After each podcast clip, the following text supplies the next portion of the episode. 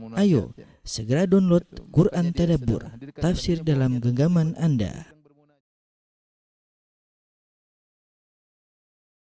Bismillahirrahmanirrahim. Assalamualaikum warahmatullahi wabarakatuh. Alhamdulillahi ala ihsanih wa syukru lahu ala taufiqihi wa amtinani wa asyhadu an la ilaha illallah wahdahu la syarika lahu ta'ziman li sya'ni wa asyhadu anna Muhammadan abduhu wa rasuluhu da'ila ridwanih. Allahumma salli alaihi wa ala alihi wa ashabihi wa ikhwanih. Ikhwan dan akhwat, para pemirsa yang dirahmati Allah Subhanahu wa taala, jamaah Masjid Sunnah Bintaro yang dirahmati Allah Subhanahu wa taala. Kita melanjutkan bahasan kita dari syarah Al-Aqidah Al-Wasatiyah dan insyaallah pada kesempatan kali ini kita akan bahas tentang uh, bahaya sembarang mengkafirkan ya. Karena kita tahu dampak dari mengkafirkan sangat berbahaya. Ketika kita mengatakan seorang kafir berarti darahnya halal untuk ditumpahkan, hartanya halal. Kemudian dia kalau meninggal tidak boleh dikuburkan di kuburan kaum muslimin, sembelihannya juga haram. Kemudian uh, dia tidak mewarisi dan tidak diwarisi. Uh, kemudian kalau dia punya istri perempuan harus diceraikan dan banyak hal yang merupakan dampak buruk dari uh, pengkafiran. Oleh karenanya kalau uh, seorang salah dalam pengkafiran maka berbahaya.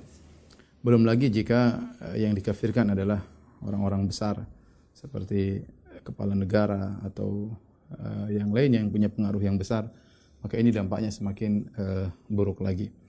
Namun sebelum kita membahas tentang bahaya sembarang mengkafirkan, kita merujaah kembali ya tentang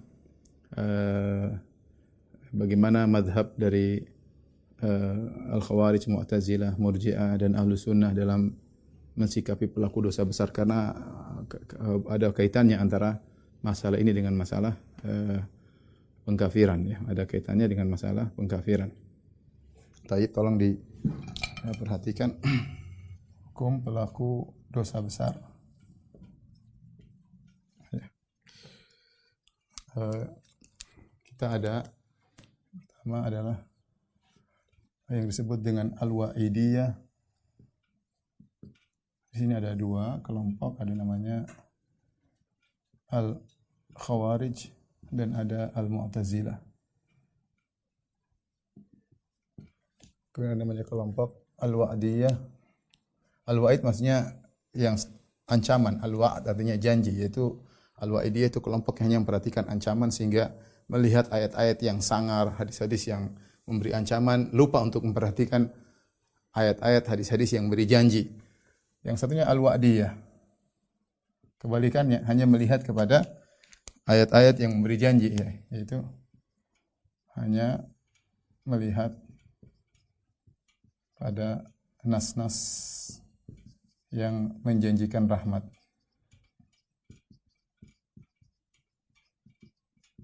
Kalau yang ini hanya memandang lihat nas-nas yang mengancam.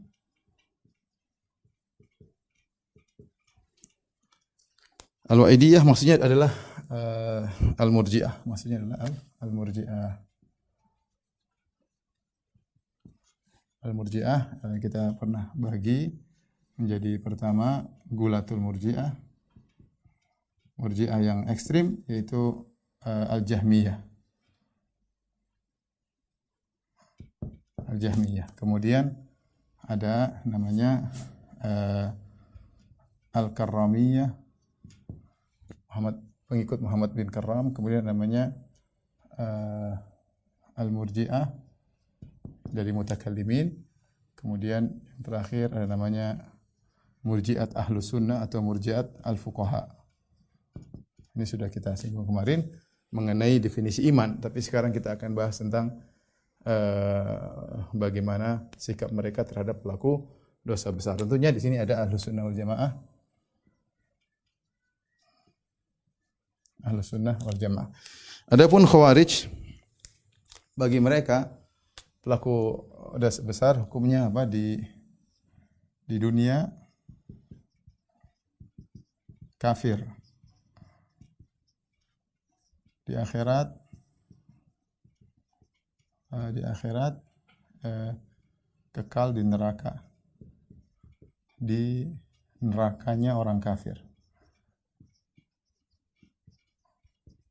Nerakanya orang orang kafir. Tentu ada ada perbedaan nanti ada namanya an-najidat, ada namanya al-ibadiyah. Tapi kita bicara secara umum al-khawarij uh, uh, menghukumi pelaku dosa besar di dunia kafir, di akhirat kekal di uh, neraka. Adapun al-mu'tazilah pelaku dosa besar di dunia. Mereka namanya mereka namakan fi manzilah.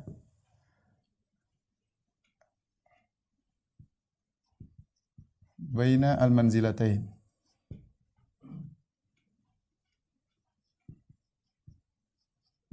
itu di suatu di satu kedudukan antara antara kafir dan mukmin. Kadang mereka namakan dengan fasik, kadang mereka namakan dengan apa? Fasik. Jadi kata mereka kalau pelaku dosa besar itu tidak kafir dan juga tidak mukmin. Terus di mana? Tengah-tengah. Inilah yang menjadikan Mu'tazilah keluar dari Ahlus Sunnah. Mu'tazilah artinya kelompok yang menyempal.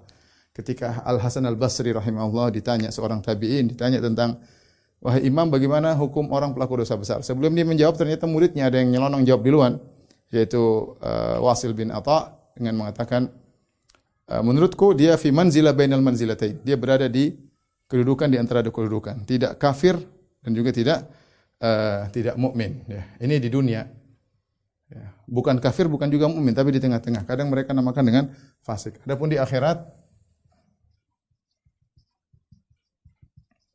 akhirat kekal di neraka tapi bukan bukan di neraka orang kafir. Ya, tapi kekal ya. Bukan di neraka orang kafir, tapi kekal juga ya. Oleh karenanya uh, ada perbedaan dan ada persamaan antara Mu'tazilah dengan Khawarij. Perbedaannya kalau di dunia Khawarij menamakan kafir, Mu'tazilah namakan fasik atau fi manzila bainal manzilatain, di antara dua kedudukan. Kalau di akhirat sama-sama kekal, tetapi beda tingkat nerakanya. Kalau Khawarij nerakanya neraka orang kafir, Yahudi Nasrani sama semua orang kafir.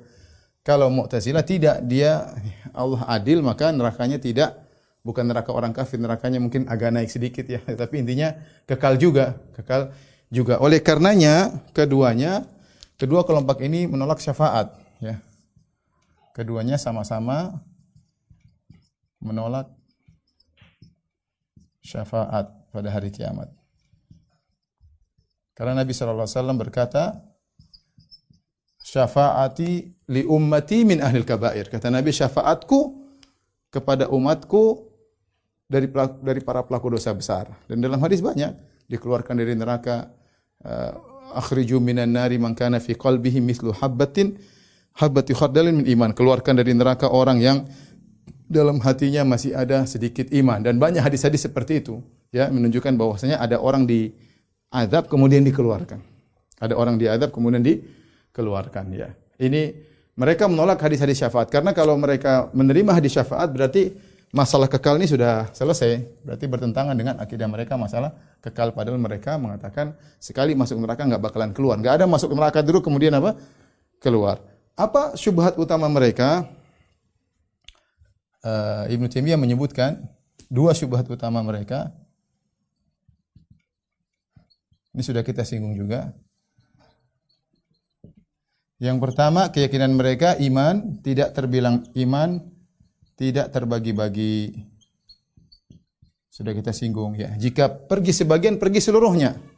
Jika hilang sebagian, mudah-mudahan kawan-kawan masih ingat, hilang seluruhnya. Jadi kalau ada sebagian iman hilang karena dosa besar, ya hilang semuanya. Iman kan satu kesatuan. Ya kalau orang melakukan dosa besar, berarti akan hilang sebagian imannya. Ketika hilang sebagian imannya, hilang seluruhnya. Maka mereka kafirkan atau keluarkan dari Islam menuju suatu posisi yang juga bukan kafir, tapi bukan mukmin lagi seperti pendapat Mu'tazilah. Ini syubhat pertama. Syubhat yang kedua, mereka bilang e, tidak bisa terkumpulkan pada seseorang ketaatan dan kemaksiatan. Kemaksiatan ini enggak ada ya. Enggak ada seperti ini. Yang ada Allah menghukum, memfonis maksiat atau taat. Enggak ada taat dan maksiat bergabung pada satu orang. Ya. Tidak ada taat dan maksiat bergabung pada satu orang. Sehingga mereka mengatakan ya sudah kalau uh, maksiat ya masuk neraka selesai. Enggak ada dalam dia ketaatan lagi. Kalau dia taat ya sudah masuk surga. Ya. Maka mereka memfonis ketika seperti ini tidak bisa digabungkan antara ketaatan dan maksiat dalam satu orang. Adapun kita ahlu sunnah tidak kita bisa melihat orang yang bermaksiat kita sayang dia dari sisi imannya dan kita benci dia daripada kemaksiatannya. Sehingga bisa dalam hati kita mensikapi seseorang ada cinta dan ada benci. Ya, karena pada dirinya ada ketaatan, pada dirinya ada kemaksiatan. Sehingga kita bisa uh, membagi cinta kita seperti itu. Kalau mereka tidak ada, satu aja. Ini atau ini ya. Ya, ini syubhat mereka sehingga mereka uh, sangat mudah mengkafirkan ya, uh, terutama orang-orang uh, khawarij ya. Dan sudah kita sampaikan bid'ah yang pertama kali muncul dalam Islam adalah bid'ah khawarij yang bid'ah tersebut berkaitan dengan pengkafiran. Kemudian uh, al-murji'ah. Adapun al-murji'ah kita kembali pertama al-murji'ah Gulatul Murji, Al-Jahmiyah. Al-Jahmiyah sudah kita sebutkan uh, atau semuanya mengatakan bahwasanya orang yang apa namanya uh, pelaku dosa besar kamilul iman. Mukmin kamilul iman. Sempurna imannya. Sempurna imannya uh, pasti masuk surga pasti masuk surga.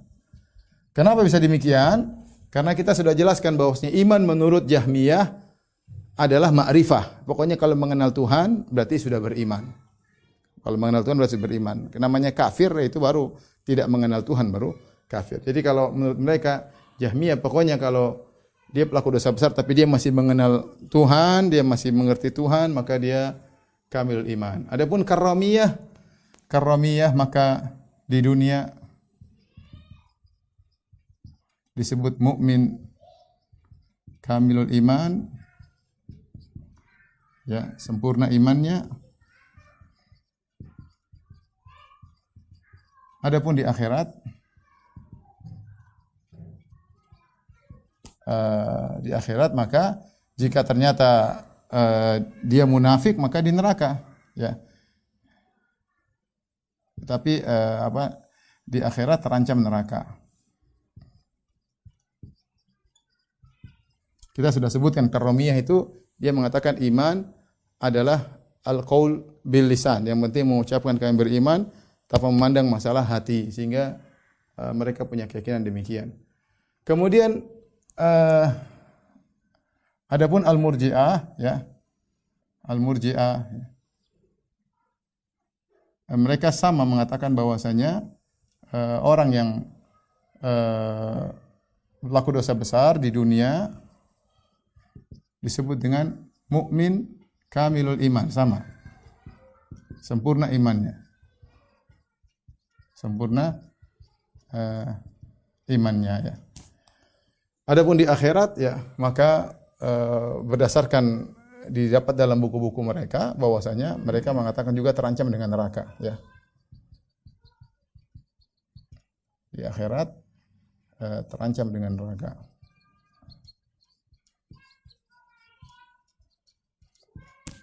Murji'atul fuqaha juga sama ya. Di dunia dikatakan juga sempurna imannya adapun di akhirat terancam neraka terancam uh, uh, neraka. Nanti perbedaan mereka dengan ahlu sunnah dalam masalah takfir nanti akan kita jelaskan ya. Akan kita jelaskan.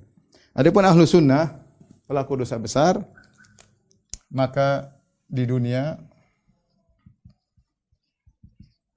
disebut mukmin naqisul iman, mukmin yang kurang imannya.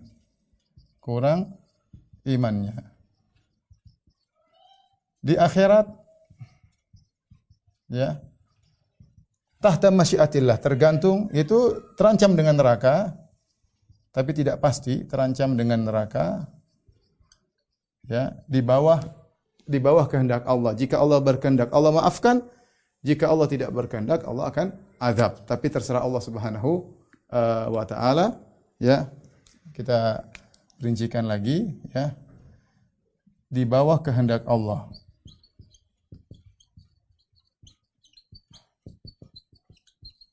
Jika Allah berkehendak,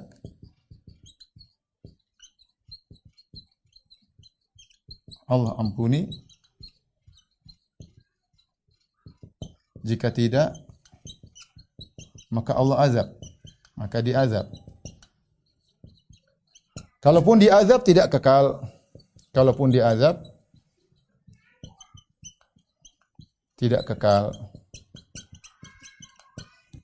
Taib uh, ini akidah Ahlussunnah wal Jamaah, semua pelaku dosa besar tidak tidak bisa kita pastikan dia pasti masuk neraka. Misalnya ada seorang meninggal dalam kondisi minum khamar.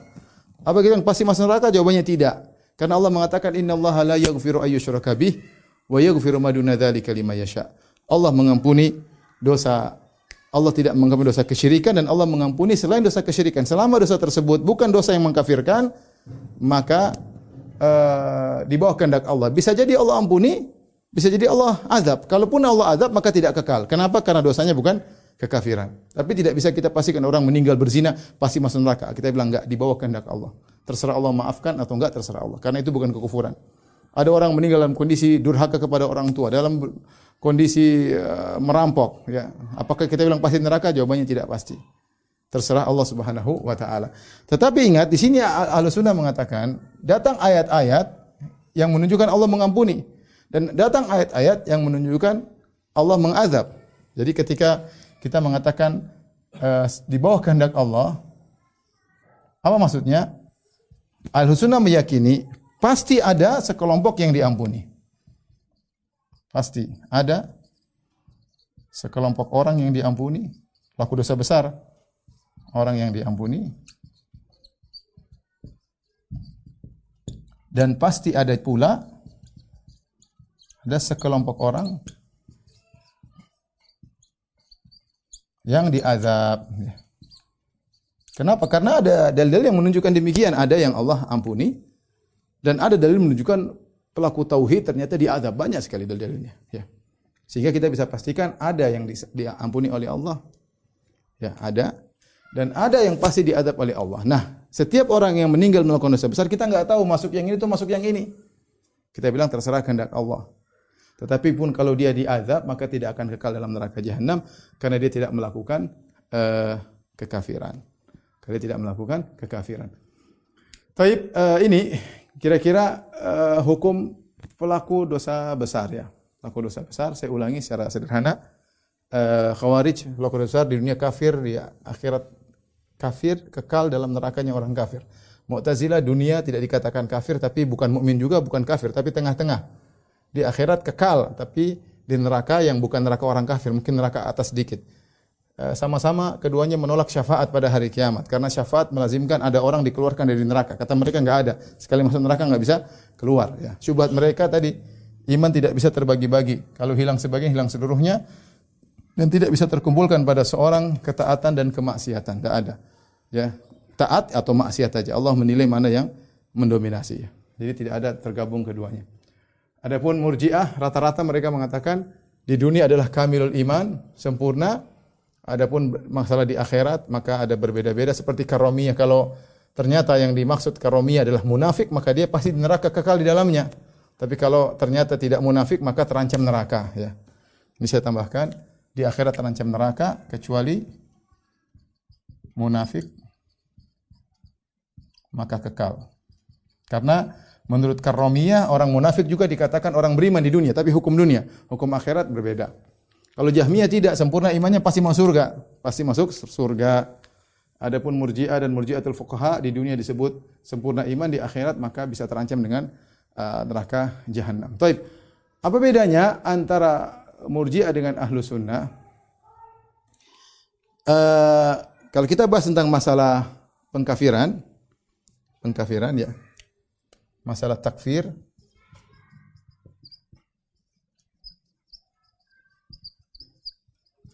Pengkafiran semua sepakat namanya kafir adalah lawan daripada iman. Namanya kafir lawan daripada iman. Namun karena definisi iman menurut ahlu sunnah, iman adalah qaul wa amal, i'tiqad tiga. Perkataan, perbuatan, dan keyakinan. Berbeda dengan murjiah, murjiah iman adalah hati doang. Hati doang ada ada dengan perkataan, tapi amal tidak. Semua murjiah sepakat amal bukan bagian daripada iman. Amal bukan bagian daripada iman. Kaul pun kaul la ilaha illallah. Kaul yang dimaksud adalah kaul asyhadu an la ilaha illallah wa asyhadu rasulullah. Selain itu maka tidak dikatakan iman. Oleh karenanya mereka hanya mengatakan orang kafir itu cuma dua, ya. Takfir menurut pengkafiran uh, kita apa namanya? Kita bagi ya. Murji'ah ya. Secara umum bahwasanya pengkafiran cuma dua yaitu disebut dengan uh, uh, apa namanya kafir takzib dengan pendustaan pendustaan atau pengingkaran yang kedua adalah al-juhud. Juhud itu uh, sudah tahu benar tapi apa namanya? ngeyel ya. Sudah tahu benar, sudah tahu benar tapi uh, tapi mengingkari. Kalau takzib tidak tahu tetap mengingkari. Jadi mereka membatasi pengkafiran cuma dua, takfir dengan takzib dan takfir dengan juhud. Kenapa? Karena menurut mereka namanya pengkafiran hanya berkaitan dengan hati. Ya, hanya berkaitan dengan hati. Namanya mengkafirkan itu adalah yang membatalkan membatalkan tasdik iman di hati. Iman di hati. Ini bedanya antara uh, Murji'ah dengan Ahlus, Ahlus Sunnah. Adapun Ahlus Sunnah Ya. Ahlus sunnah takfir bisa macam-macam ya. Bisa ada takfir takzib, takfir juhud karena mengingkari, karena mendustakan. Ada taf, tak, apa takfir dengan al-i'rad berpaling ya.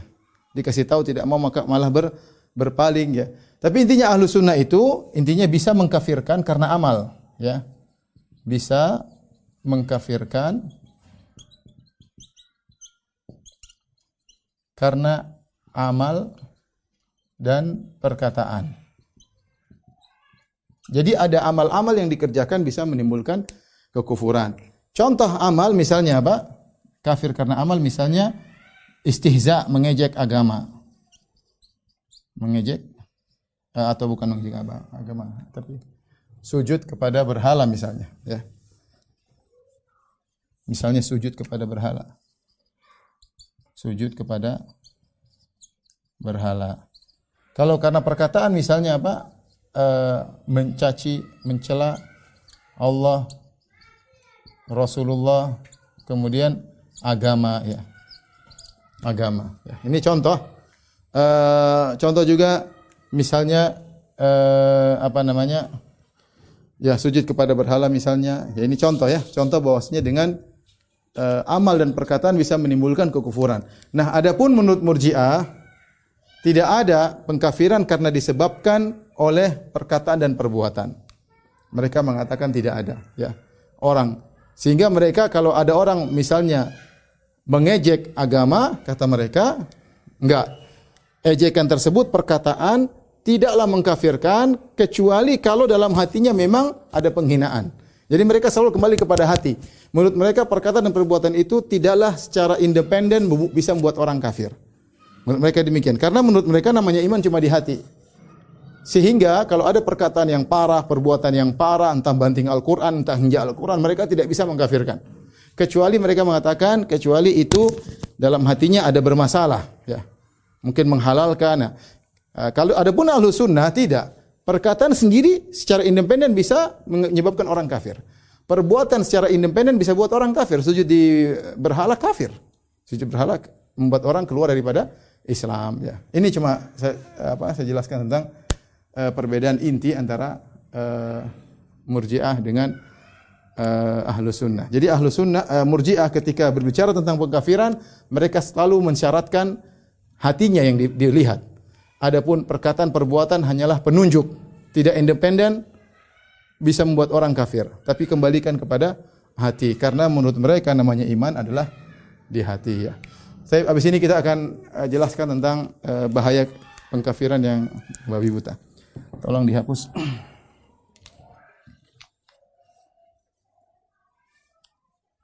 Pembahasan yang akan kita bahas kali ini pembahasan yang sangat penting agar kita waspada, jangan mudah mengkafirkan sama kaum muslimin karena terlalu ketat para ulama ketika uh, meletakkan syarat-syarat dalam uh, mengkafirkan ya. Nanti akan kita jelaskan poin-poin kenapa uh, para ulama begitu tidak mudah memfonis kekafiran. Akan kita jelaskan insyaallah taala setelah ini ya.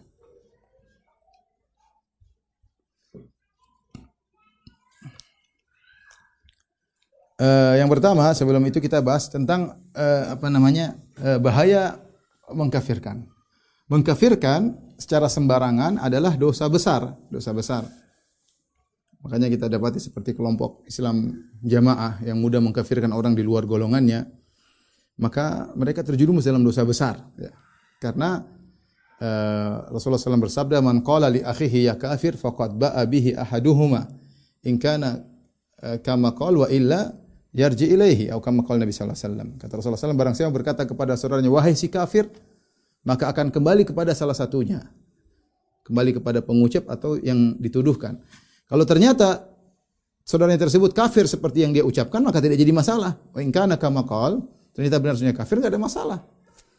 Kalau tidak, maka akan kembali kepada dirinya, akan kembali pada dirinya. Intinya berbahaya. Ya, ketika Nabi mengatakan akan kembali kepada dirinya menunjukkan dosa dosa besar. Tidak otomatis dia jadi kafir tidak, tetapi ini menunjukkan dosa dosa besar. Oleh karenanya uh, dosa ini ialah inilah yang ditempuh oleh orang-orang khawarij, orang-orang uh, khawarij uh, ketika mudah mengkafirkan bahkan mengkafirkan para sahabat. Kemudian di antara hal yang menunjukkan bahayanya pengkafiran ya secara sembarangan dalam satu hadis tentang kisah dua orang dari Bani Israel yang satu rajin beribadah, kemudian yang satu uh, rajin bermaksiat. Maka yang rajin beribadah senantiasa menegur yang rajin bermaksiat. Dia mengatakan, "Ya hadza aksir, wahai fulan berhentilah." Ditegur, tapi temannya tersebut terus bermaksiat. Sampai satu hari teman itu melakukan maksiat yang lebih besar daripada biasanya.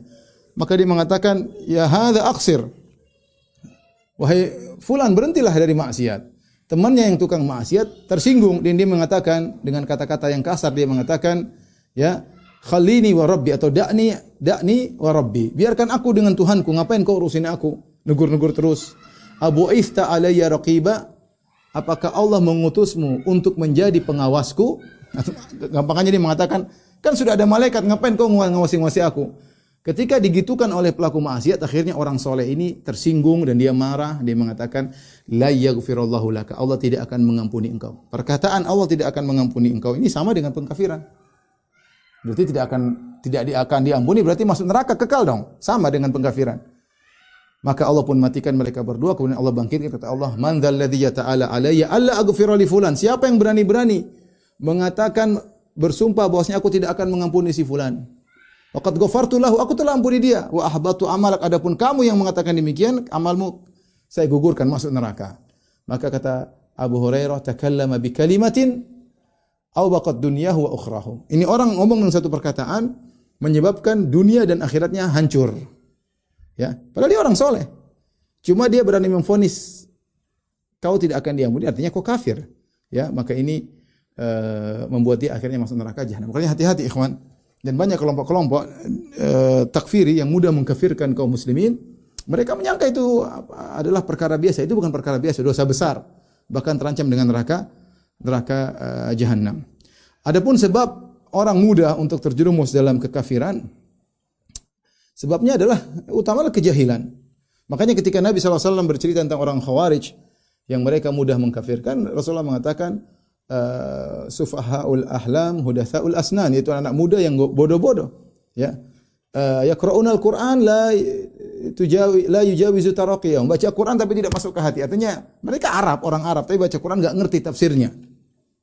Orang Khawarij orang Arab, orang Arab mereka. Ahlun Nahrawan ya. uh, mereka orang Arab, tapi mereka baca Quran mereka tidak ngerti tafsirnya. Sehingga akhirnya mereka mudah mengkafirkan kaum kaum muslimin. Mereka mudah mengkafirkan kaum muslimin karena kejahilan. Karena kejahilan, ya. Di antara juga muncul uh, orang-orang uh, hanya memandang sebagian dalil. Datang dalil-dalil kafir kafir kafir sehingga dia mudah mengkafirkan. Padahal dalil datang dalam dua model. Ada dalil al-wa'id dan adillatu al-wa'ad. Ada dalil-dalil yang tadi saya sebutkan ancaman, ada dalil yang menunjukkan janji. Contoh. Contoh. Seperti dalam hadis kata Nabi SAW, Sibabul muslim fusukun wa qitaluhu kufrun. Mencaci maki sama muslim adalah kefasikan, memeranginya adalah kekufuran. Ya, memeranginya adalah kekufuran. Dalam hadis yang lain, la tarji'u ba'di kuffaran yadribu ba'dukum a'naqa ba'd. Janganlah kalian kembali setelah aku meninggal kalian kembali kufur, kalian membunuh memenggal kepala sebagian kalian yang lain. Berarti seakan-akan Nabi mengatakan kalau orang membunuh orang lain kufur, kafir. Orang memerangi orang lain kafir. Kalau kita hanya melihat pada sisi ini, kita menganggap ini adalah membunuh orang kafir. Padahal tidak. Padahal ini hadis bisa ditafsirkan dengan berbagai macam tafsiran. Bisa jadi kufur kecil, bisa jadi menjadi kafir kalau dia menghalalkan uh, pembunuhan. Buktinya apa? Buktinya dalam Al-Quran, Allah menyebutkan ada orang membunuh tidak dikatakan kafir. Seperti Allah mengatakan, "Faman ufiya lahu min akhihi syai'un fattiba'un bil ma'ruf." Adapun siapa yang saudara dari yang terbunuh jika dimaafkan ya di sini Allah menamakan orang yang membunuh dianggap sebagai saudaranya. Yaitu ukhuwah fil Islam. Faman ufiya lahu min akhihi syai'un. Barang siapa yang diampuni dari saudaranya. Jadi uh, orang yang membunuh dianggap saudara bagi yang sudah meninggal atau saudara dari wali orang yang meninggal tersebut. Ya, di sini meskipun dia sudah membunuh masih dikatakan saudaranya. Lebih daripada ini seperti firman Allah Subhanahu wa taala, "Wa in ta'ifatani minal mu'minina katatalu fa aslihu bainahuma." Ya, jika ada dua kelompok dari kaum mukminin ya ber, berperang-perangan, maka uh, damaikanlah di antara keduanya. Ini perang-perang-perangan dianggap masih beriman kata Allah menamakan masih mukminin. Wa in ta'ifatani minal mu'minina katatalu. Kalau ada dua orang kelompok beriman berperang, berarti bunuh-bunuhan dong. Tapi Allah masih menamakan mereka sebagai orang-orang beriman. Itu menunjukkan bahwasanya membunuh dosa besar, tetapi tidak sampai pada derajat kekufuran. Ya. Ketika seorang hanya melihat pada satu ayat atau satu hadis, dia paham dia tidak melihat dalil yang lain sehingga di akhirnya uh, mudah mengkafirkan. Contoh lagi misalnya orang-orang memandang zina uh, apa namanya uh, uh, mengkafirkan misalnya atau ya seperti kata Nabi SAW, la yazni zani hina yazni wa huwa mu'min. Tidaklah seorang ketika sedang berzina, dia sedang beriman. Wa la yasriku sariq hina yasrik wa huwa mu'min. Tidaklah seorang pencuri ketika sedang mencuri dalam kondisi beriman. Wa la yashrabul wa la yashrabu syaribul khamr hina yashrabuha wa huwa mu'min. Tidaklah seorang peminum khamr ketika sedang minum khamr dalam kondisi beriman. Kalau begitu kafir dong. Kalau orang hanya melihat hadis tersebut, sebagaimana orang khawarij hanya melihat hadis tersebut, mereka memandang kafir. Tapi kalau kita lihat hadis-hadis yang lain ternyata tidak demikian. Buktinya apa? Buktinya dalam satu hadis Rasulullah SAW dalam hadis Abu Dzar kata Rasulullah SAW, "Ma min abdin qala la ilaha illallah thumma mata 'alaiha illa dakhala jannah." Tidaklah seorang mengucap, seorang hamba mengucapkan la ilaha illallah kemudian meninggal kecuali dia masuk surga kata Nabi sallallahu alaihi wasallam. Tidak ada orang mengucapkan la ilaha illallah kemudian meninggal kecuali masuk surga. Kemudian Abu Dzar berkata, "Wa in zana wa in sarat?" Ya Rasulullah, kalau dia berzina dan dia, dia berzina dia mencuri, Kata Nabi, wa in zana wa in saraq. Meskipun dia berzina, dia mencuri masuk surga. Abu Dhar bertanya lagi, wa in zana wa in saraq. Meskipun dia berzina, dia mencuri. Kata Nabi, wa in zana wa in saraq. Meskipun dia berzina, dia mencuri. Yang penting mengucapkan la ilaha illallah masuk surga. Abu Dhar tidak masih kurangin. Dia tanya lagi ketiga kali. Ya Rasulullah, dia untuk memastikan wa in zana wa in saraq. Meskipun dia mencuri dan berzina, kata Nabi, wa in zana wa in saraq ala raqmi anfi abidar kata Nabi meskipun dia mencuri meskipun dia e, berzina dia masuk surga meskipun Abu Dhar tidak mau ya. Intinya gitu. Intinya kalau seorang melihat hadis ini seakan-akan ya sudah zina tetap aja masuk surga. Kalau lihat hadis pertama seakan-akan berzina masuk neraka. Maka harus dikompromikan. Ahlu sunnah mengkompromikan. Itu menunjukkan bahwasanya zina mencuri minum khamar bukan kekufuran bukanlah kekufuran. Kalau dia pun kufur kecil, bukan kufur akbar. Ya. ya harus dipahami dengan dalil-dalil yang lain. Oleh karenanya Nabi SAW menegakkan hukum had kepada orang yang berzina, orang mencuri, orang minum khamar. Tetapi ketika mereka meninggal disolatkan oleh para sahabat. Berarti mereka tidak kafir. Orang kafir tidak boleh disolatkan.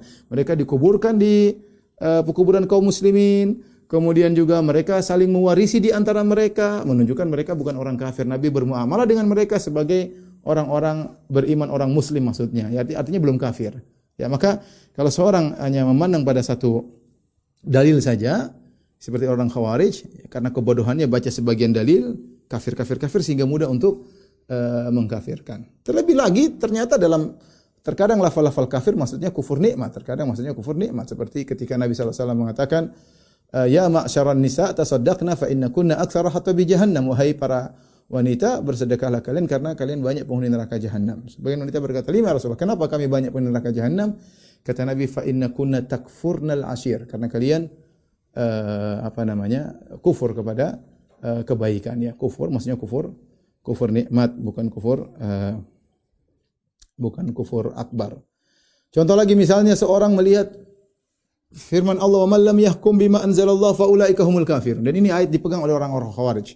La hukma illa lillah. Mereka berdalil ayat seperti ini. Ya. Barang siapa yang tidak berhukum dengan hukum selain Allah, maka mereka orang kafir. Lihat, Muawiyah dan Ali bin Abi Thalib berhukum dengan hukum manusia, bukan hukum Allah. Mereka berhukum dengan tahkim al-hakamain, yaitu Abu Musa al-Asy'ari dengan uh, Amr bin As. Maka Ali dan Muawiyah kafir dan semua yang sepakat semuanya kafir. Padahal ayat tersebut turun tentang orang-orang Yahudi yang tidak mau berhukum dengan hukum Taurat. Ya, bukan kepada orang-orang Islam. Ya, maka hukum asal kalau orang Islam yang melakukannya hukumannya adalah hukum kufur asgar bukan kufur akbar. Ya, bisa menjadi kufur akbar kalau ada syarat-syaratnya. Maka coba lihatlah bagaimana Najasyi. Ibnu Taimiyah rahimahullah ketika berbicara tentang Najasyi ini yang sangat menakjubkan. Najasyi siapa dia? Dia seorang Nasrani. Dia raja di Habasyah. Kemudian dia masuk Islam. Ketika dia masuk Islam, apa dia kan memegang hukum seluruhnya. Apakah dia bisa berhukum dengan hukum Allah? Enggak bisa. Dia nggak bisa, dia tetap berhukum dengan hukum yang berlaku. Dia tidak mampu merubah hukum yang berlaku dengan hukum Allah, nggak mampu. Kenapa? Karena dia cuma sendiri atau segelintir orang. Sampai-sampai ketika dia meninggal tidak ada yang sholatkan. Makanya Nabi sholat goib. Tapi apakah Nabi mengatakan dia kafir tidak bisa menjalankan hukum Islam di negaranya, hanya mikir dunia? Enggak, dia tidak bisa, tidak mampu. Bahkan Nabi mengatakan uh, apa namanya uh, mata abdun saleh telah meninggal seorang hamba yang saleh. Rasulullah mengatakan istighfiru li akhikum. Kita apa namanya mohon ampunan pada saudara kalian. Nabi memuji Najasyi ya, padahal dia tidak bisa menegakkan hukum hukum Islam. Oleh karenanya tidak semua orang yang tidak menegakkan hukum Islam kemudian otomatis kafir. Ada kondisi-kondisi yang buat mereka tidak bisa melakukan. Bahkan terkadang mereka tidak berusaha sama sekali. Bahkan mungkin mereka dapat pahala ketika mereka berusaha memperbaiki hukum menuju yang lebih dekat dengan Islam yaitu uh, irtikabu akhafid dararain, menempuh kemudaratan yang lebih ringan. Ya, karena tidak mungkin mereka kemudian berhukum hukum Islam sementara kondisinya tidak mungkin kan sebagaimana Najasyi ya uh, radhiyallahu taala anhu atau rahimahullahu taala. Ya. Jadi maksud saya inilah uh, yang membuat orang mudah untuk mengkafirkan adalah uh, kejahilan ya, karena kejahilan uh, dan hanya tadi yang memandang sebagian sisi daripada uh, dalil. Sekarang saya akan bahas ada sekitar 1 2 3 4 ya. Empat sebab kenapa para ulama uh, tidak mudah untuk mengkafirkan. Tidak segera untuk mengkafirkannya. Dan ini rata-rata diambil dari penjelasan Syekhul Islam Ibnu Taimiyah rahimahullahu taala sebagian dari Ibnu Hajar rahimahullahu taala. Apa sebab-sebab para ulama tidak mudah uh, mengkafirkan ya? Uh, yang pertama ya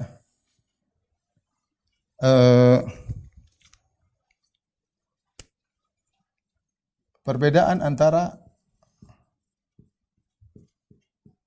antara takfir al-mutlak ya mutlak dengan takfir muayyan. Apa maksudnya ini istilah biar kawan-kawan tahu ya.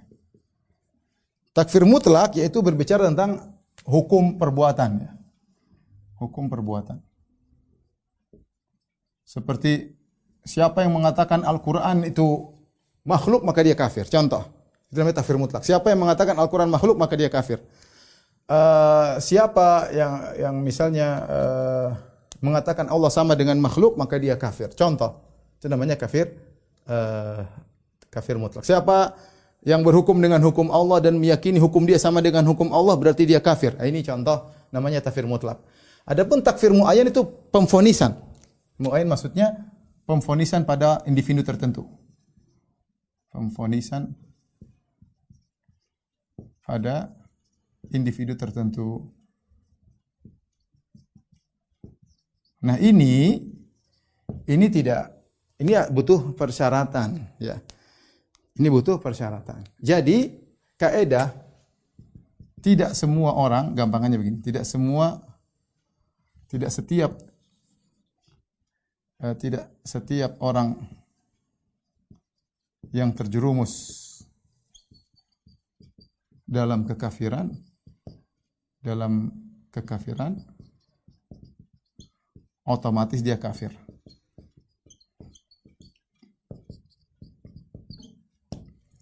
Tidak tidak tidak otomatis orang melakukan syirik berarti di orangnya musyrik tidak tidak tidak otomatis. Ini namanya mutlak benar. Siapa yang berdoa kepada mayat musyrik itu hukum kafir mutlak, takfir al mutlak. Tapi ketika si fulan berarti kalau begitu dia kafir. Oh enggak itu lain lagi hukumannya. Kita harus ada ikomatul hujah, ada syarat-syaratnya. Untuk memfonis secara individu dia kafir, ini takfir al muayyan, mengkafirkan secara fonis individu. Dalilnya apa? Adapun dalil, dalilnya tentang kisah sahabat yang dalil kisah sahabat yang minum khamar. Sahabat yang minum khamar. Ini sahabat ini minum khamar. Ya, kecanduan khamar sehingga dia selalu didatangi, datang di, di cambuk. Kemudian datang lagi dicambuk lagi. Berapa kali berulang sampai dikatakan ma aktsara ma yu'tabihi terlalu sering dia didatangkan dicambuk. Allahumma anhu ada sahabat yang mengatakan laknat Allah kepadamu. Laknat Allah kepadamu. Ya. Taib. Peminum khamar secara hukum secara hukum mutlak dilaknat. Ini kisah sahabat yang minum khamar dan Nabi melarang minum melaknat dia. Kata Nabi, "La anhu, jangan kau laknat dia." Ma alimtu illa annahu yuhibbullah wa rasulah. Jangan kau laknat dia. Saya tahu orang ini cinta kepada Allah dan Rasulnya. Dia minum khamar dilaknat oleh sahabat lain kata Nabi jangan kau laknat dia. Jangan kau fonis. Hukum hukum umum boleh, hukum mutlak boleh. Ketika kau mentakyin memfonis maka hukumnya berbeda. Kata Nabi jangan. Kenapa? Ada penghalang untuk dia dilaknat, dia cinta kepada Allah Rasulnya kata Nabi wasallam. Baik, saya kasih gambaran kisah sahabat yang minum khamar lalu dilaknat oleh sahabat lain Lalu Nabi tegur. Lalu Nabi tegur. Nabi melarang laknat tersebut. Nabi melarang laknat tersebut. Tapi kita ingin praktekkan. Kita bicara tentang khamar. Khamar secara hukum mutlak, hukum mutlak peminumnya terlaknat peminumnya terlaknat. Bukankah Rasulullah SAW kata dalam hadis, la'ana Rasulullah SAW fil khamri asyara. Rasulullah SAW melaknat 10 orang berkaitan dengan khamar. 10 orang dilaknat oleh Nabi SAW. Siapa aja? Peminumnya. Uh, asiruha yang memeras anggur untuk menjadi khamar wa mu'tasiruha yang nyuruh peras anggur untuk jadi khamar syaribuha yang minum khamar wal hamil yang membawa khamar wal mahmulatu ilaihi yang dibawakan khamar kepadanya saqiha yang menuangkan khamar juga ya. Kemudian apa? Al mushtarilaha yang membeli. Al mushtaralahu yang dibelikan. Akilu thamanahu yang makan hasil khamar. Ini semua 10 orang dilaknat. Maka tidak diragukan peminum khamar dilaknat. Ini hukum mutlak. Namun ketika difoniskan kepada seorang sahabat ternyata tidak mesti. Tidak mesti peminum khamar pasti terlaknat, enggak. Jadi ini dalil uh, jadi ketika di ketika difoniskan kepada seseorang tertentu kepada orang tertentu maka ada persyaratan, maka ada persyaratan. Bisa jadi ada halangan. Seperti sahabat tadi dia minum khamar tapi Nabi bilang janganlah laknat dia. Kenapa? Ma'alim tu illa annahu yuhibbullah wa rasulah. Aku tahu dia cinta kepada Allah Rasulnya sehingga tidak bisa dilaknat. Maka para ulama berdalil dengan kisah ini bahwasanya hukum umum tidak melazimkan pemfonisan. Hukum umum tidak melazimkan pemonisan. Ya, dan prakteknya banyak. Mana prakteknya? Prakteknya seperti contohnya Al-Imam Ahmad. Praktek salaf.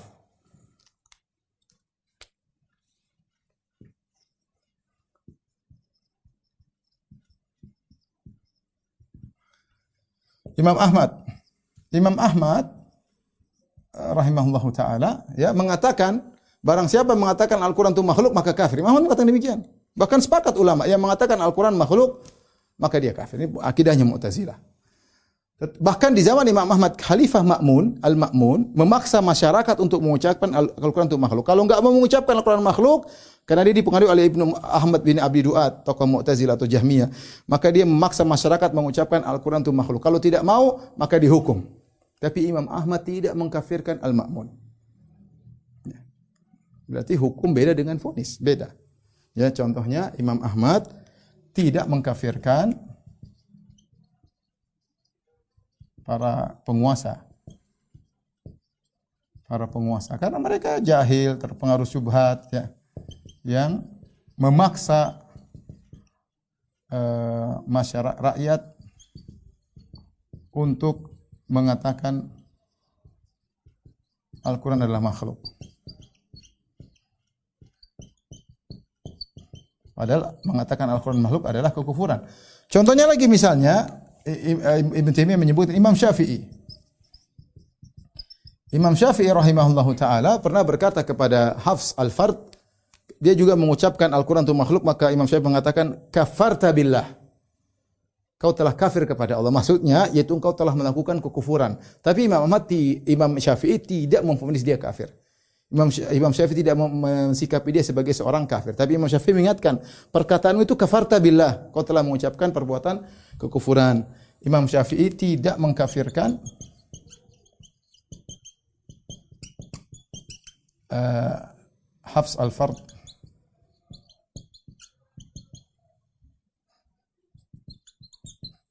yang mengatakan Al-Quran itu makhluk.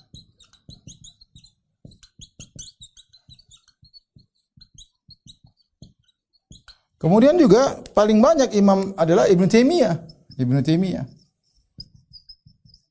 Ibnu Taimiyah dalam banyak bukunya, mungkin saya akan nukilkan. Dia berkata kepada orang Jahmiyah, dia Hululiyah, dia mengatakan kalau saya berpendapat seperti kalian, saya kafir. Adapun kalian saya tidak kafirkan. Kenapa kalian ada syubhat kalian tidak ngerti? Tapi kalau saya berbicara seperti kalian, saya kafir. Karena saya di atas ilmu mengucapkan demikian. Karena kalian jahil, saya tidak kafirkan. Padahal perkataan Jahmiyah kekufuran. Demikian juga yang menakjubkan Imam Imam Ibn Taimiyah tidak mengkafirkan Al-Bakri. Al-Bakri ini ada Ibn Taimiyah punya buku Al-Rad Al-Bakri, Al-Istighatsah fi Rad Al-Bakri. Dicetak dua jilid, ada satu jilid. Al-Bakri ini menyatakan boleh istighatsah kepada mayat. Istighatsah kepada orang sudah meninggal, kepada Rasulullah SAW sudah meninggal, istighatsah berdoa, minta tolong. Dan ini kekufuran, syirik akbar. Bahkan Al-Bakri mengkafirkan Ibn Taimiyah. Bukan cuma di situ. Dia mengkafirkan Ibn Taimiyah karena mencela dia. Tapi Ibnu Taimiyah mengatakan saya tidak mengkafirkan dia. Baik. Ibnu Taimiyah merasa dia ada syubhat. Perkataannya yang perkataan Al-Bakri kekufuran, kesyirikan, tetapi bukan berarti Al-Bakri langsung menjadi musyrik.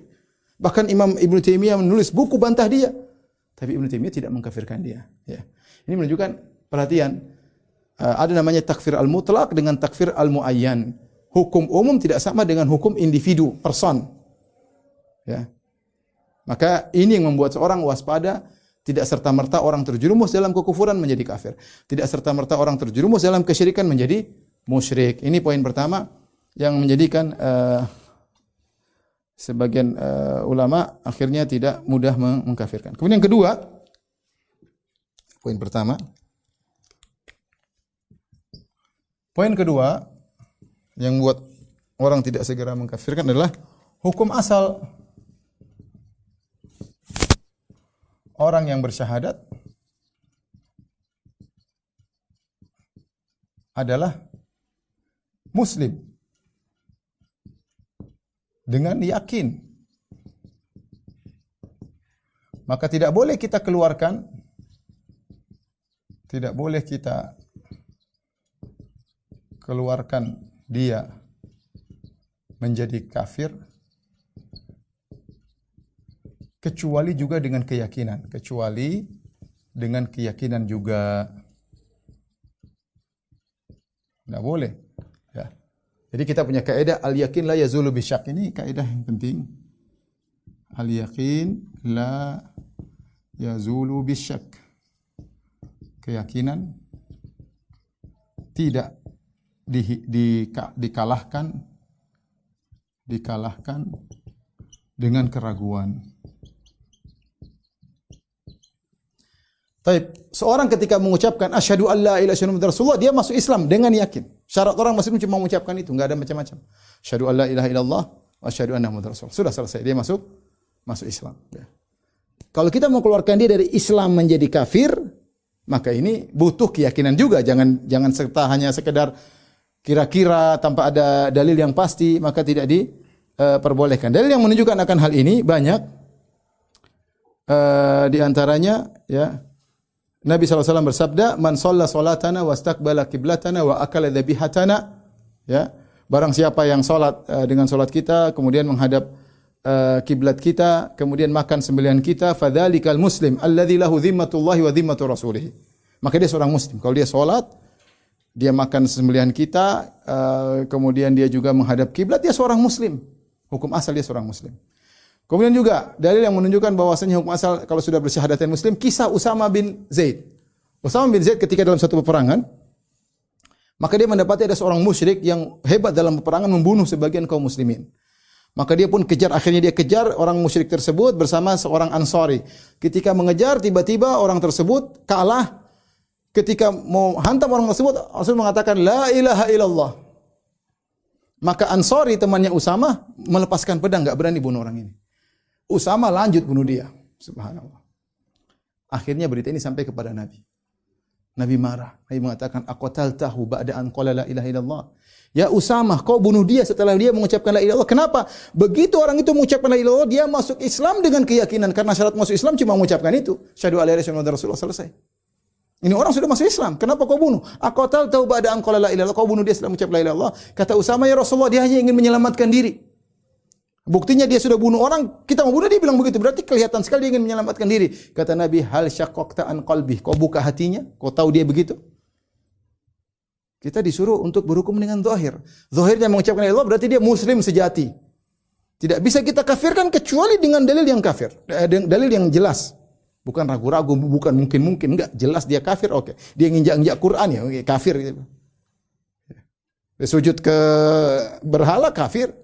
Maki-maki Allah, maki-maki Nabi, kafir. Yang jelas, kalau enggak jelas, mungkin, mungkin, sepertinya, ah, bisa, Anda bisa seperti itu.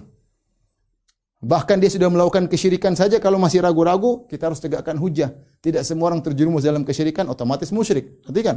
Sebagaimana kita jelaskan pada yang pertama, ya. Kalau kita lihat orang ini, ketika dia mengucapkan la ilaha jelas-jelas dia ingin menyelamatkan diri. Bahkan kalau kita mau ngomong, zohirnya dia ingin menyelamatkan diri. Buktinya kalau sudah mau mati baru bilang. Kenapa nggak bilang dari awal? Tetapi Nabi marah sama Usama. Sampai Usama mengatakan, seandainya saya belum masuk Islam. Seandainya saya baru masuk Islam. Karena Rasulullah benar-benar marah. Ya, benar-benar marah. Kemudian juga misalnya dalam hadis Rasulullah SAW uh, eh, berkata, Umir an qatilan nas hatta yashhadu an la ilaha illallah Muhammad Rasulullah.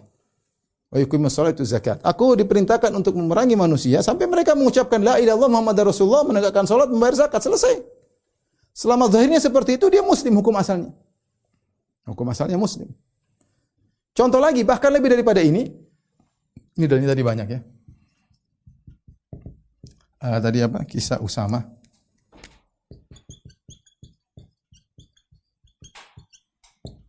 Kemudian hadis uh, Umir tuh Aku diperintahkan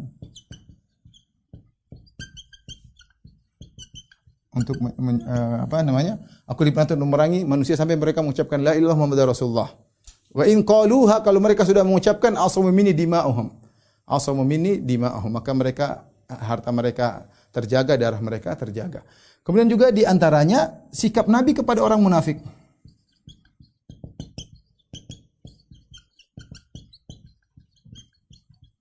Orang munafik dalam hukum Islam dia orang Islam. Dalam hukum dunia di dunia dihukumi orang Islam. Orang oleh karenanya orang-orang munafik di zaman Nabi Shallallahu Alaihi Wasallam mewarisi, menikah dengan wanita muslimah, dikubur di pekuburan kaum muslimin, ya.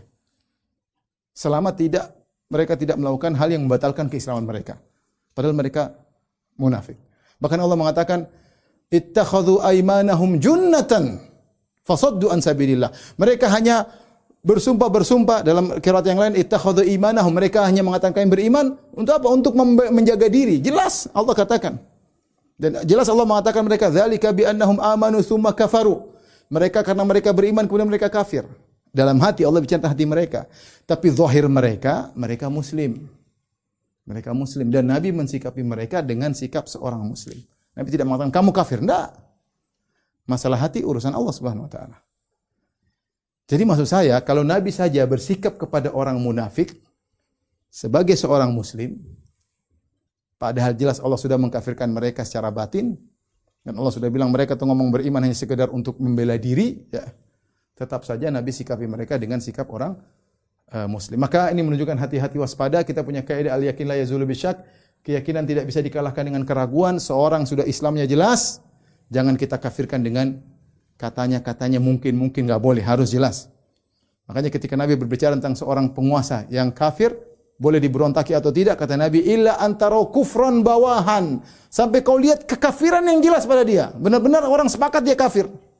Oh dia sudah kafir, sudah pindah agama, sudah baru kau silakan kalau mau perangi silakan. Dia masih sholat, masih haji, masih macam-macam itu kafir-kafirkan. Kafir yang nggak jelas. Khilaf kafirnya, ini nggak jelas namanya. Ini perkara yang kedua uh, yang menjadikan para ulama uh, tidak mudah mengkafirkan. Perkara yang ketiga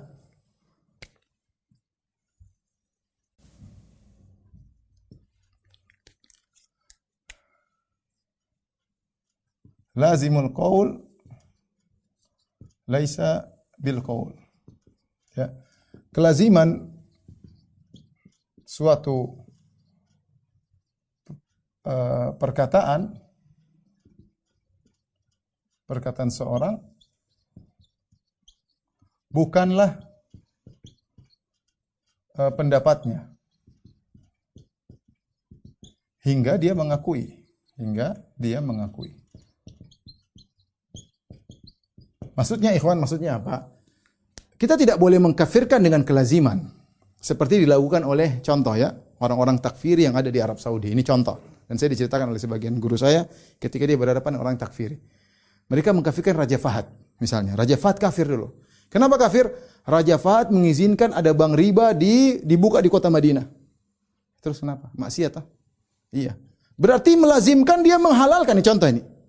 Ketika dia memberikan izin untuk membuka bank ribawi, ada bank yang syariah, ada bank ribawi, mungkin tekanan dari luar negeri, ada bank riba dibuka di kota Madinah, berarti ini perhatikan kata orang takfirin melazimkan bahwasanya Raja Fahad menghalalkan riba dan menghalalkan riba adalah kafir.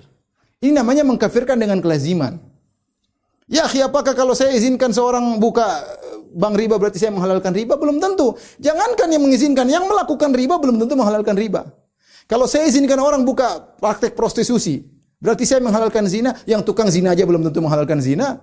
Betapa banyak orang berzina dia, aduh bagaimana lagi saya nggak punya duit ya maksiat tapi gimana lagi. Dia tidak mengatakan zina halal. Tanya para, para, para pelajar-pelajar mereka mengatakan zina halal, dia tahu salah. Jadi jangan kita mengkafirkan dengan kelaziman. Makanya bahaya banyak orang mengkafirkan bil ma'al dengan kelaziman atau kesudahan dan ini diingatkan oleh Syekh Islam Ibnu Taimiyah rahimahullah taala diingatkan juga oleh oleh Ibnu Hajar. Bahwasanya lazimul qaul laisa biqaul. Kelaziman perkataan seorang bukan berarti perkataan orang tersebut kecuali dia mengakui. Kecuali kita tanya sama Raja Fahad, Raja Fahad rahimahullah, ente bolehkan ada bank riba terbuka, ente menghalalkan riba. Oh iya saya menghalalkan. Nah itu baru ente mungkin boleh kafirkan. Anda belum tanya, kemudian Anda berbicara tentang kelaziman. Ibnu Taimiyah mengatakan kalau kita mengkafirkan dengan kelaziman, maka semua orang yang menolak istiwa kita kafirkan. Nah, berarti dia menolak ini, menolak ayat lah, berarti dia mengatakan ini hakikat uh, majas bukan hakikat uh, Ibnu Taimiyah kalau gitu semua orang menolak sifat bisa kita kafirkan kata Ibnu Taimiyah rahimahullah taala. Tapi kita tidak boleh mengkafirkan dengan kelaziman. Ini bahaya. Oh pemerintah begini, berarti begini, berarti begini. Enggak boleh. Orang yang, saya katakan, orang yang uh, kerjaannya berzina, 10 tahun jadi pezina, belum tentu dia menghalalkan zina, belum tentu. Dia mungkin ya ikut hawa nafsunya. Orang-orang yang suka zina, hanya orang suka zina, mungkin sedih ke, ke diskotek zina-zina tiap 20 tahun tukang zina. Apakah dia menghalalkan zina? Kalau tanya, ya dosa, tapi ya gimana? Saya ikut syahwat saya. Dia belum tentu menghalalkan zina. Maka tidak boleh seorang mengkafirkan dengan kelaziman. Karena kalau kita ikuti kelaziman, kita bisa mengkafirkan pelaku dosa. Orang dosa, eh, ente tahu ini ayat terlalu banyak mengatakan tidak boleh minum khamar, ente minum khamar berarti ente merendahkan Al-Quran. Merendahkan Al-Quran berarti kafir dong. Ente merendahkan Allah, ente tidak mengagungkan Tuhan, berarti ente kafir. Kalau kita memberikan, kalau kita mengkafirkan kelaziman, semua orang pelaku maksiat bisa kita kafirkan. Semua pelaku maksiat bisa kita kafirkan. Ini artis-artis kita kafirkan tuh. Joget-joget berarti tidak punya malu, itu berarti menganggap remeh syariat. Oh, kita kalau begitu caranya, semua orang kafir nanti. Tidak boleh. Ya. Maka tidak boleh mengkafirkan dengan kelaziman. Ya. Kemudian uh, di antara hal yang uh, penting juga yang terakhir ada uzur, uzur-uzur yang menghalangi pengkafiran. Uzur-uzur tersebut di antaranya adalah al-uzur bil jahal, uzur karena kebodohan. Uzur karena kebodohan. Uzur karena ketidaktahuan.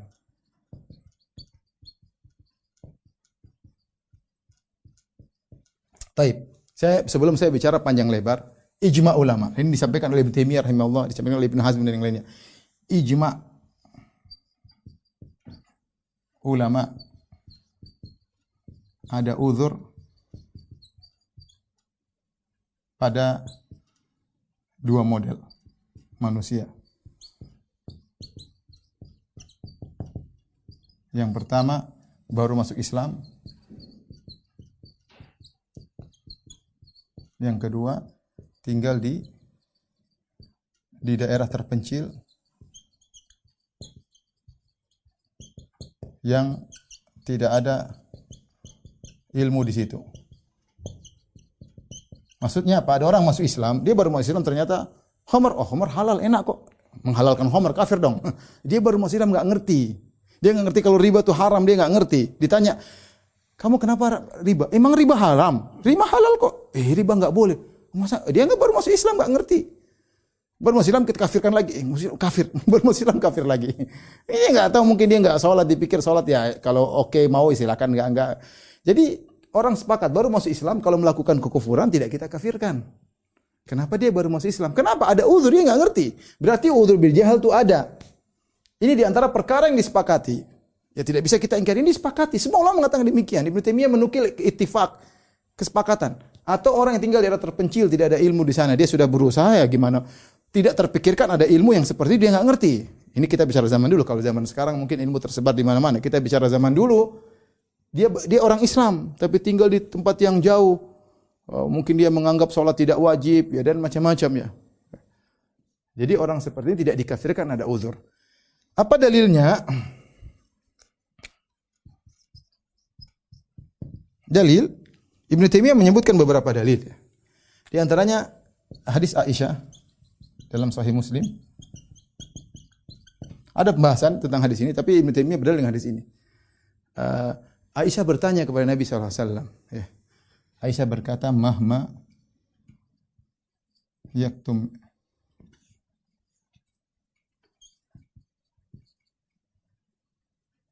ya'lamuhullah. Qala na'am. Kata Aisyah kepada Nabi SAW, Ya Rasulullah, apakah orang-orang berusaha menyembunyikan sesuatu, Allah tahu? Pertanyaan. Apakah orang-orang menyembuhkan sesuatu pasti Allah tahu? Berarti kan ragu tentang ilmu Allah. Seakan-akan Aisyah tidak tidak meyakini bahwasanya Allah mengetahui segala sesuatu. Sehingga dia ragu. Dia bertanya kalau orang sembunyikan sesuatu, Allah pasti tahu? Kata Nabi, "Na'am." Kata Ibnu Taimiyah dalil bahwasanya Aisyah tidak tahu. Dan kita tahu mengingkari ke apa kesempurnaan ilmu Allah adalah kekufuran. Bukankah orang-orang orang-orang uh, filsafat dikafirkan karena mereka mengatakan Allah hanya mengetahui secara global tidak detail. Ya, tapi ini Aisyah tidak dikafirkan. Kenapa tidak tahu? Tidak tahu, ya tidak tahu. Belum tentu semua sifat-sifat Allah dia tahu secara detail, tapi tidak dikafirkan. Contoh lagi hadis tentang hadis tentang wasiat seorang ayah. Wasiat ini tentang seorang ayah, dia berkata kepada anak-anaknya. Dia takut kepada Allah, mungkin dia banyak maksiat. Dia kumpul anaknya mengatakan, dia kumpulkan ketika dia akan meninggal dunia, dia kumpulkan anak-anaknya, dia berkata, "Idza mittu wa anakku, ini wasiatku. Kalau saya mati, fahrikuni, bakar jasadku. Setelah kalian bakar sampai jadi arang, sumat hanuni, kemudian tumbuh itu arangku sampai jadi debu. Setelah jadi debu, sumadruni fil yammi, kemudian tebarkanlah debuku di lautan wa firrih ditebarkanlah di angin. Dia mengatakan la in qadirallahu alayya la yu'adzibannani adzaban la yu'adzibu ahadan minal alamin. Kalau Allah mampu membangkitkan aku, aku akan diadab dengan adab yang sangat pedih. Ini orang kafir tidak? Kafir, dia melakukan kekufuran karena dia ragu Allah mampu membangkitkan dia. Dan seorang ragu dengan kekuasaan Allah untuk hari kebangkitan, orang itu kafir. Ini kaidah kekufuran. Tapi apakah orang ini kafir? Jawabannya tidak. Dia tidak tahu. Dia nggak ngerti. Dia bilang kalau saya Allah mampu bangkitkan saya, waduh gawat, saya akan diadab dengan adab yang pedih. Akhirnya Allah bangkitkan kata Allah, ya ardu ijma'i ma fiki minhu, wahai bumi kumpulkan dia. Setelah dikumpul, dia hidup depan Allah tanya, maha malaka ala dhalik, apa yang buat kau berwasiat demikian? Kok ngomong kayak gitu? Kata dia, khasyataka rabb, karena saya takut sama engkau. Allah maafkan, maafkan dia. Ini dalil tentang uzur bil jahal, uzur bil bil jahal dan ada yang umum wa ma kunna mu'adzibin hatta naba'atha rasula intinya ini pembahasan panjang ya ada khilaf di kalangan para ulama muasirin sekarang ya. Tetapi saya lebih condong pada pendapat Ibn Taimiyah rahimahullahu taala apalagi kita sepakat dalam dua kondisi ini uh, orang apa namanya diberi uzur. Tinggal apakah benar-benar dia punya uzur atau tidak itu urusan belakangan. Tapi adanya uzur bil jahal menjadikan orang tidak kafir ada ya. Di antaranya ini. Nanti akan saya nukil perkataan Ibn Taimiyah rahimahullahu taala bahkan dalam masalah tauhid uluhiyah. Bahkan dalam masalah tauhid al-uluhiyah. Ini uzur bil jahal.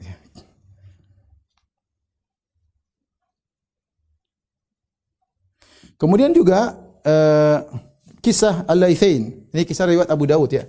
Hadis Al-Laithain ya.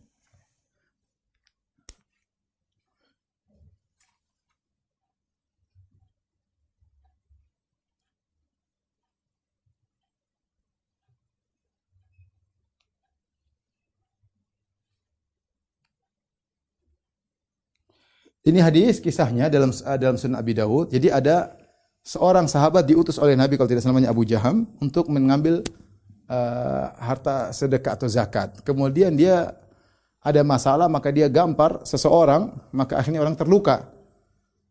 Kemudian akhirnya mereka datang kepada Nabi, mereka berkata ya Rasulullah, kami ingin kisas atau pengganti karena kami sudah dipukul. Akhirnya Nabi mengatakan begini, uh, bagaimana kalau kami berikan kalian begini-begini sekian sekian sekian? Kalian ridho? Kata dia, kami ridho. Ini orang Arab Badui ini.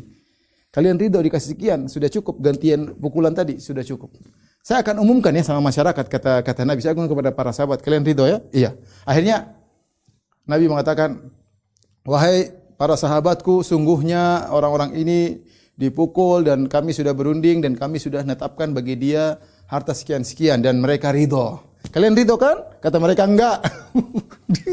Ini bilang enggak, tadi baru sepakat bilang ridho. Ini orang berarti kan mendustakan Nabi. Ini kan orang, tapi apakah dua orang ini kafir? Terus Nabi bilang, loh kalian enggak ridho. Kalau gitu Nabi naikkan lagi, begini, kalian ridho? Ridho. Saya bilang sama orangnya, iya. Akhirnya, ini saya kasih dia sekian, dia ridho. Kalian ridho? Baru dia bilang, iya kami ridho. Tapi ini perhatian kita, pertama kali Nabi tanya, kalian ridho? Dia bilang, enggak, bohongin Nabi SAW. Berarti Nabi dibilang bohong sama dia. Tapi apakah dia kafir? Jawabannya tidak karena diberi uzur karena dia orang Arab Badui ada kejahilan pada mereka. Tidak mengetahui bagaimana agungnya Rasulullah sallallahu alaihi wasallam. Ini contoh uh, al-uzur bil jahl. Di antara dalil juga ya tentang uh,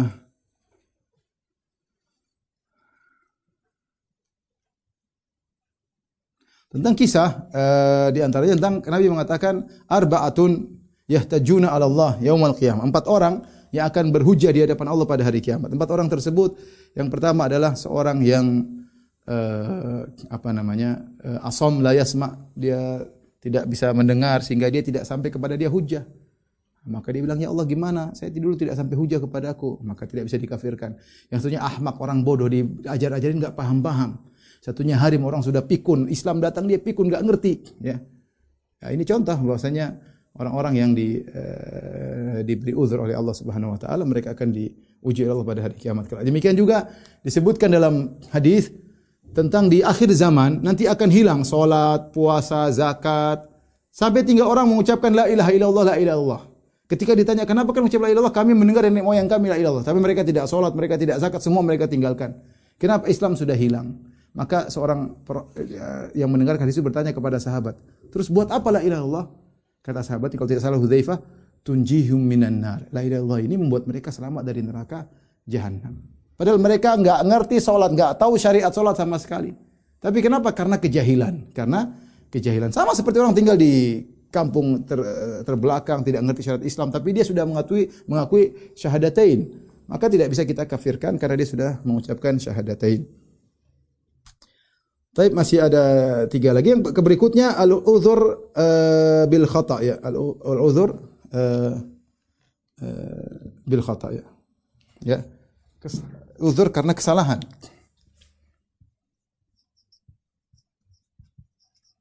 Khata itu maksudnya melakukan perbuatan yang tidak dimaksud, ya. Melakukan perbuatan yang tidak sengaja maksudnya, perbuatan tanpa maksud. Ya. Ini juga dalil uh, di, diberi uzur. Contoh dalilnya banyak. Dalilnya apa? Contohnya seperti lelaki yang gembira yang gembira saking gembiranya ketika Nabi mengatakan seorang uh, terlepas dari uh, bawa ontanya di tengah padang pasir kemudian ontanya hilang kemudian dia merasa akan mati tiba-tiba ontanya balik lagi saking gembiranya dia pegang ontanya dia mengatakan Allahumma anta abdi wa ana rabbuk. Ya Allah engkau adalah hambaku aku Tuhanmu. Dia salah ngomong ini kekufuran. Dia bilang ya Allah sungguhnya engkau adalah hambaku aku adalah Tuhanmu. Kata Nabi akhta'a min syiddatil farah. Dia salah ngomong karena saking gembiranya. Diberi uzur. Contoh lagi tentang lelaki terakhir masuk surga Coba apa dia bilang? Ketika dia baru keluar dari neraka jahanam. Keluar dari neraka jahanam Nabi Allah Allah mengatakan, "Idza fadkhulil jannah." Pergi kau masuk surga. Kemudian di ketika sampai surga, yukhayyalu ilaihi annaha mal'a, digambarkan surga sudah penuh. Maka dia balik, "Ya Allah, wajadtu mal'a." Ya Tuhan, surga sudah penuh. Kata Allah, pergi lagi sana. Dia pergi, dengar lagi sekarang sudah penuh. Ya Allah, surga sudah penuh, gimana mau masuk? Akhirnya Allah mengatakan, "Fa inna laka dunya wa asratu amsalihha." Kamu ini ini penghuni penghuni surga yang paling terakhir, paling terakhir masuk. Allah mengatakan bagimu surga, bagimu seperti dunia 10 kali lipatnya. Orang ini kaget saking dia mengatakan, "Atahzabi wa anta rabbul alamin." Ya Allah, kok ngejek saya, kok Tuhan? Ya, bilang Allah ngejek berarti kan kufur. Masa nuduh Tuhan ngejek? Dia mengatakan atahzabi wa anta rabbul alamin. Ya Allah, kau ngejek aku? Enggak boleh kita bilang Allah ngejek kufur, tetapi dia tidak dikafirkan dong karena dia saking gembiranya dia nggak masuk akal kok bisa. Ya Allah kok ngejek aku, kok Tuhan nggak pantas ngejek aku. Allah bilang aku tidak ngejek masuk surga sana. Tapi intinya laki ini terakhir masuk surga, dia mengucapkan kata-kata kufur. Kau ngejek aku ya Tuhan, padahal kau Tuhan nggak pantas Tuhan ngejek-ngejek aku. Dia mau ngajari Tuhan, nggak boleh lah. Uh, kemudian juga seperti uh, dalam Al-Quran kata Allah Subhanahu Wa Taala Inna dzalikum kana yu'dhin nabi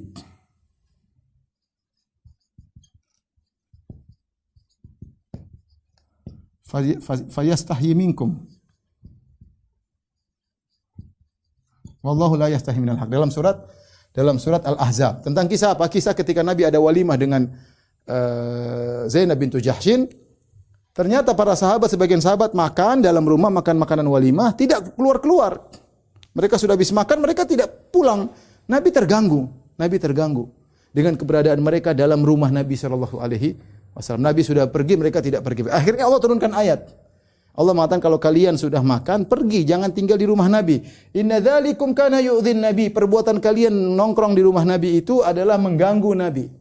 Mengganggu Nabi kekufuran enggak? Kekufuran sengaja ganggu Nabi.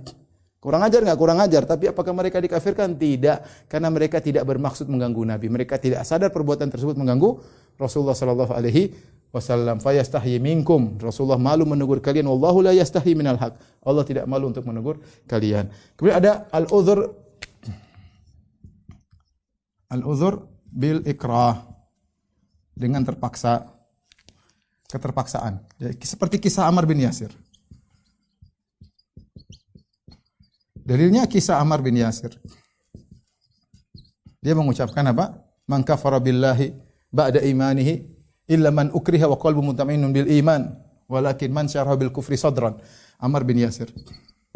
Ketika dia mau dibunuh dia mengucapkan uh, kata-kata uh, kufur agar tidak dibunuh. Maka dia lapor kepada Nabi ya Rasulullah, saya terpaksa mengucapkan kata-kata kufur karena bapaknya dibunuh, ibunya dibunuh, Sumaya ditikam oleh Abu Jahal. Dia daripada mati dia ucapkan kata-kata kufur. Akhirnya dia selamat. Kemudian dia enggak enak, dia bilang sama Nabi, kata Nabi enggak apa-apa. Fa in adu'ud kalau mereka siksa kau lagi ulangi lagi ucapkan kata kufur kata Nabi SAW. Jadi tidak jadi masalah kalau orang terpaksa. Terpaksa maksudnya apa? Takut mati atau takut sebagian anggota tubuhnya hilang rusak. Maka dia boleh mengucapkan kata-kata kufur dan kita tidak hukumi dia sebagai uh, kafir. Yang terakhir ya. Al-uzur bi ta'wil ya. Uzur dengan ta'wil.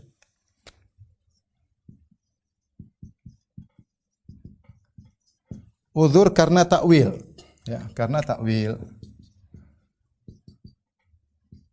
Dan ini eh, dalilnya eh, siapa sahabat eh, kisah Kudama bin Mad'un ya. Kudama bin Mad'un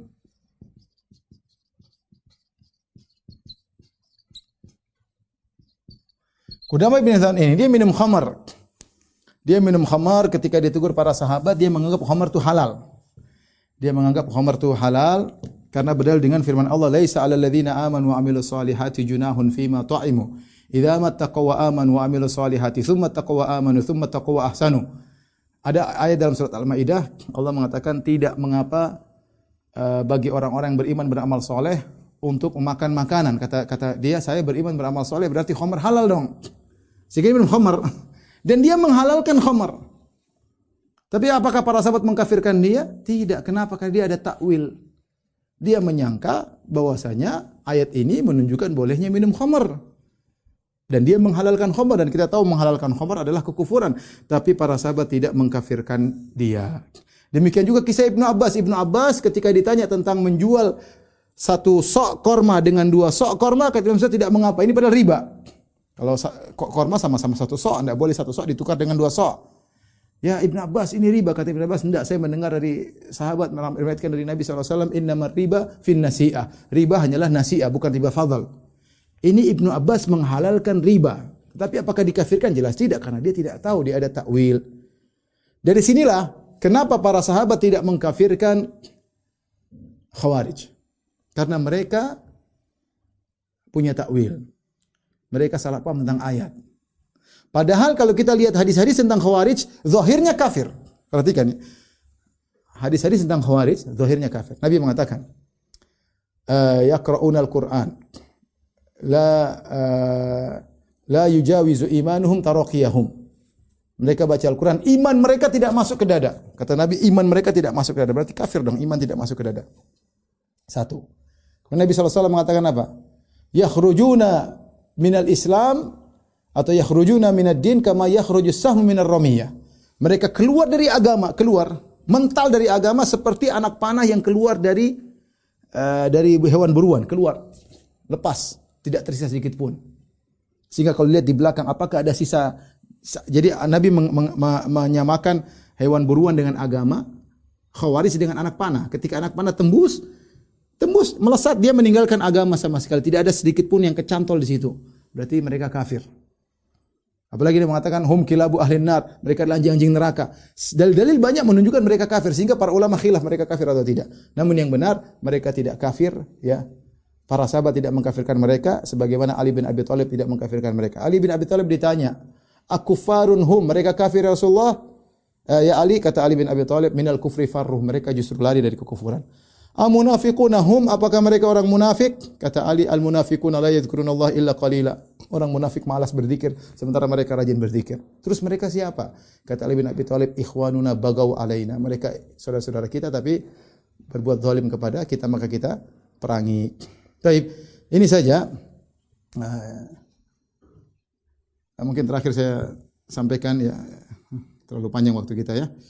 Tapi intinya saya sampaikan uh, Ibnu Taimiyah rahimahullah di antaranya uh, sudah saya nukilkan sebagian sebenarnya banyak nukilan Ibnu Taimiyah tapi waktu sudah melewat. Saya rasa sampai di sini aja dulu. Intinya hati-hati jangan mengkafirkan sembarangan karena itu merupakan dosa besar. Wallahu alam bisawab demikian saja kajian kita semoga bermanfaat. Uh, subhanakallah bihamdik asyhadu an la ilaha illa. Assalamualaikum warahmatullahi wabarakatuh.